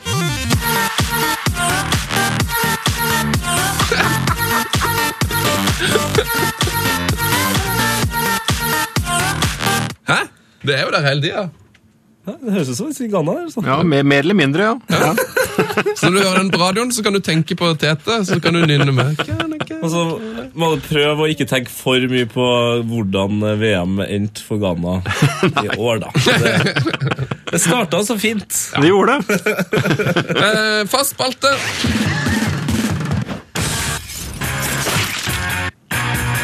Heia fotballs glory hall. Nå er det tid for uh, hyllest. Hyllest. Det her er altså spalten der vi hyller spillere som eh, vi elsker. Eh, ikke nødvendigvis bare fordi at de er gode, mm. men for at eh, de har det lille ekstra. De har gjort mye sånn ja, det er sånn, de, spillerne du har blitt ekstra glad i. Altså, det- Eh, hvem er det som er her? Det er en grunn til at Ronaldinho er her, eksempel. Ronaldinho er. Eller. Arild Berg. Arild Berg. Myggen. Eh, du må si han du alltid sier. Batistuta, Batistuta. er selvfølgelig her. Eh, Sigurd Rushfeldt er der. Ja, mange. Eh, Stefan, Stefan Guarch er her. Stefan Guvarch er der òg. Sånne spillere har blitt glad i. Eh, og nå er det klart for å hylle en ny. Hvis du skulle hylle en eh, fotballspiller, Kenneth Fredheim, hvem er, det som, liksom, hvem er din favoritt av disse her litt sånn, liksom, de, litt sånn de som har det lille ekstra? Å, ja, det er, jeg er eh, ja, det er, jeg klarer aldri å svare på det spørsmålet uten å si Diego Armando Maradona. Ja, det er eh, magi over magi for meg. Du, du, du, du fikk jo sett den eh, sikkert i hans primetime. prime time. Altså, og nå har, du liksom, eh, nå har du opplevd hva folk tenker om Ronaldo, og eh, Ronaldinho og Messi. Men hvordan, eh, hvordan reagerte folk på Maradona? Det må ha vært eh, Jeg føler at han kanskje var den første i det slaget der han var så god på banen eh, og så vill utenfor. Ja, han var det, ikke sant. Og, eh, altså, jeg, jeg husker jo helt tilbake til VM i eh, 78 møte eh, hvor han var 17 år gammel, apropos vi har snakka om unge fotballspillere i dag, ikke sant? Eh, hvor han ikke kom med i eh, VM-troppen fordi landslagssjefen Menotti mente at det ville blitt et for stort press på han. Hvor Maradona satt da hjemme og gråt når, VM ble, når Argentina ble verdensmester på hjemmebane. Og til fiaskoen hvor han ble sparka i stykker i VM i 82, til at han vant VM i 86 nesten på egen hånd. For det argentinske Ja, ja og det Nei, for meg så vil han Det spiller ingen rolle på en måte hva andre gjør. For meg så vil han alltid stå igjen som det, som det største. Han var liksom noe noe helt, helt eget. altså Apropos spilleforståelse og, og rom og vilje og ureddhet liksom som han hadde. Det var eh, Ja, altså lekenheten. ja, enormt. altså enormt. Han, han, han kunne alt offensivt. Defensivt gjorde han absolutt ingenting. Perfekt. God men, ja, ja. Men, men, men den gangen så var fotball fortsatt sånn at eh, hadde du den statusen der, så var det Du hadde, du hadde bikkjer rundt deg som løp og henta ballen til deg. Og det, og det gjorde hele det argentinske laget, eh, rett og slett. Eh, Så for meg blir aldri noen større enn han. og det det, det hører på en måte med denne historien utenfor banen, og det gjør den på en måte bare større, syns jeg. Altså, jeg Så ufattelig kløne i det private livet sitt, og, og, og gudbenåda på banen. Så det, det hører liksom bare med til legenden og myten om eh, Maradona. Ikke sant? En god kombo. Mm. nå er det klart for å hylle en eh, ny mann. Det er Eh, du som skal gjøre det i dag. det er lenge siden Sund har Ja, fått hylle noen. eh, Mye hylleansvar. Jeg nå er jeg meg til, for jeg, jeg vet jo heller ikke hvem du skal hylle. Nei, det er det som er så deilig. Det er bare å lene seg tilbake. Nå er det en fyr jeg har blitt så fryktelig glad i de siste årene. Eller, De siste årene. Ja, nydelig fyr. Noen spillere er bare født med det. Eh, En sånn medfødt egenskap som nesten ingen andre har. Eh, Et meget sjeldent og kanskje ikke så veldig synlig talent, men like fullt verdifullt. Eh, Nemlig evnen til å ta nivå. Noen spillere tar absolutt alle nivåer. Altså Henning Berg var litt sånn. Jeg tror aldri Henning Berg var banens beste spiller. Det kan ikke ha skjedd. Ikke engang på Lørenskog sitt juniorlag kan jeg tro at han var best. Han var sikkert kaptein, men han var aldri best. Men dette er viktig. Han var heller aldri dårligst. Hvis eh, Manchester United møtte Real Madrid eller Arsenal, eller hvem de nå møtte, så var Henning Berg alltid en av de sånn tre-fire beste på banen. Det er en fascinerende egenskap. En egenskap som gjorde at han i 1997 ble verdens dyreste forsvarsspiller, når Manchester United kjøpte han for fem millioner eh, pund. Og det var liksom veldig riktig at Berg gikk til Manchester United, for i Manchester United der har de alltid satt pris på spillere som kan ta nivå. Eh, Yi Sung Park var litt sånn. Aldri banens beste, aldri den dårligste. Darren Fletcher er sånn, John O'Shea, Phil Neville, Steve Bruce, og ikke minst dagens helt, Paul McGraw. Paul McGraw han tok alltid nivåene. Eh, Han var jo faktisk langt inn i 20-årene før man skjønte at fyren var god, fordi han spilte på ganske lavt nivå og hadde masse masse personlige problemer i begynnelsen av karrieren. Dere må forresten lese eh, alt om denne fantastiske eh, fyren i i selvbiografien til Paul McGraw. Les han. Eh, I United så tok han nivået, var en av de beste, til tross for at han drakk som en svamp og nesten alltid var skada. Så mye drakk han da altså at sir Alex Ferguson til slutt kasta han på dør og ba han stikke til Aston Villa. I Villa så tok han nivå eh, og var en av Premier Leagues aller beste midtstoppere, uten å verken trene spesielt mye eller drikke spesielt lite. Eh, Det sies at på corner at han måtte gå og holde seg for munnen, for han lukta så sprit da han spilte.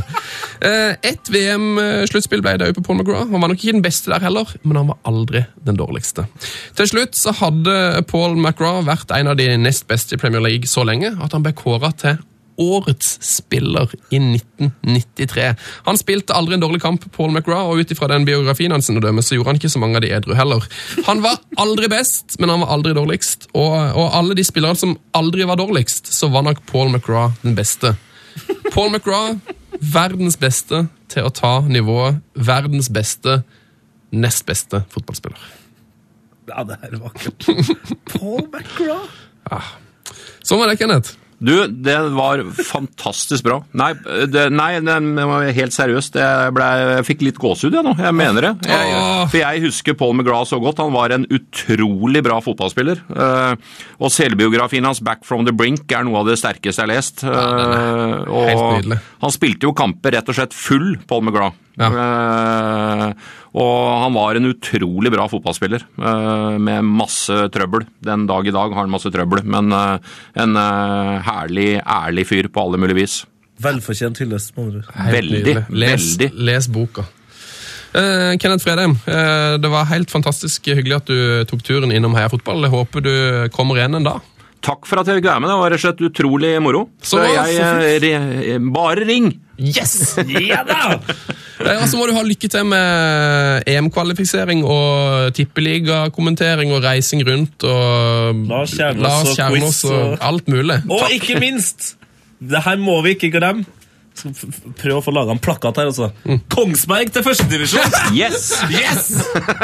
Det fikser vi. Ok, uh, Heia Fotball, Kenneth! Heia fotball! Heia fotball! Heia Fotball! P3s Heia fotball. Episode hver fredag. Last ned din nye favorittpodkast på p3.no podkast. P3.